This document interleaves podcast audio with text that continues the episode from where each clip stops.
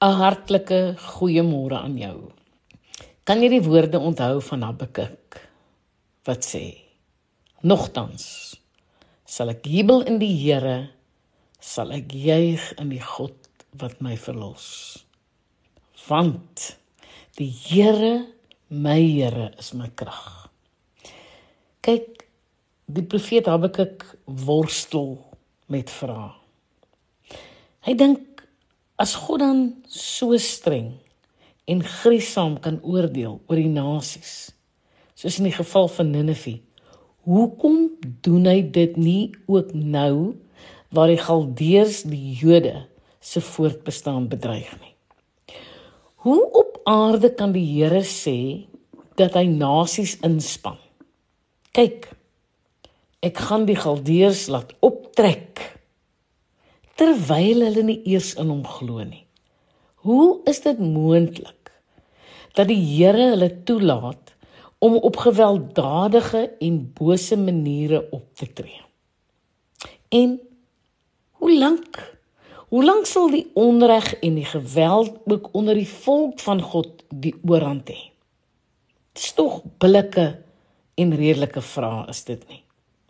Met ander woorde, hoe lank kan God nog toelaat dat onreg en boosheid toeneem en regverdiges daaronder lê. Dit is ook vra wat ek en jy vra. Wanneer ons rondom ons kyk en ons sien die onregte wat gebeur, raak ons ook opstandig. Dit is amper asof ons sê Here, maar hoe lank? Here, hoe kan U hierdie dinge toelaat? Nou die Here oortuig nou vir Habakuk in sy gebedsworsteling dat al lyk dit op die oog af asof alles ten gronde gaan. God die wat regverdig is nie in die steek sal laat nie. God sal hulle nie versaak nie. Hulle moet wag op God se verlossing.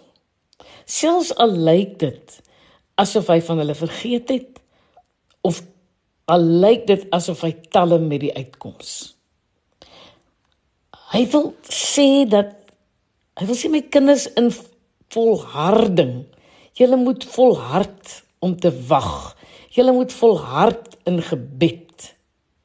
Want ek sal vir julle die toekoms oopsluit.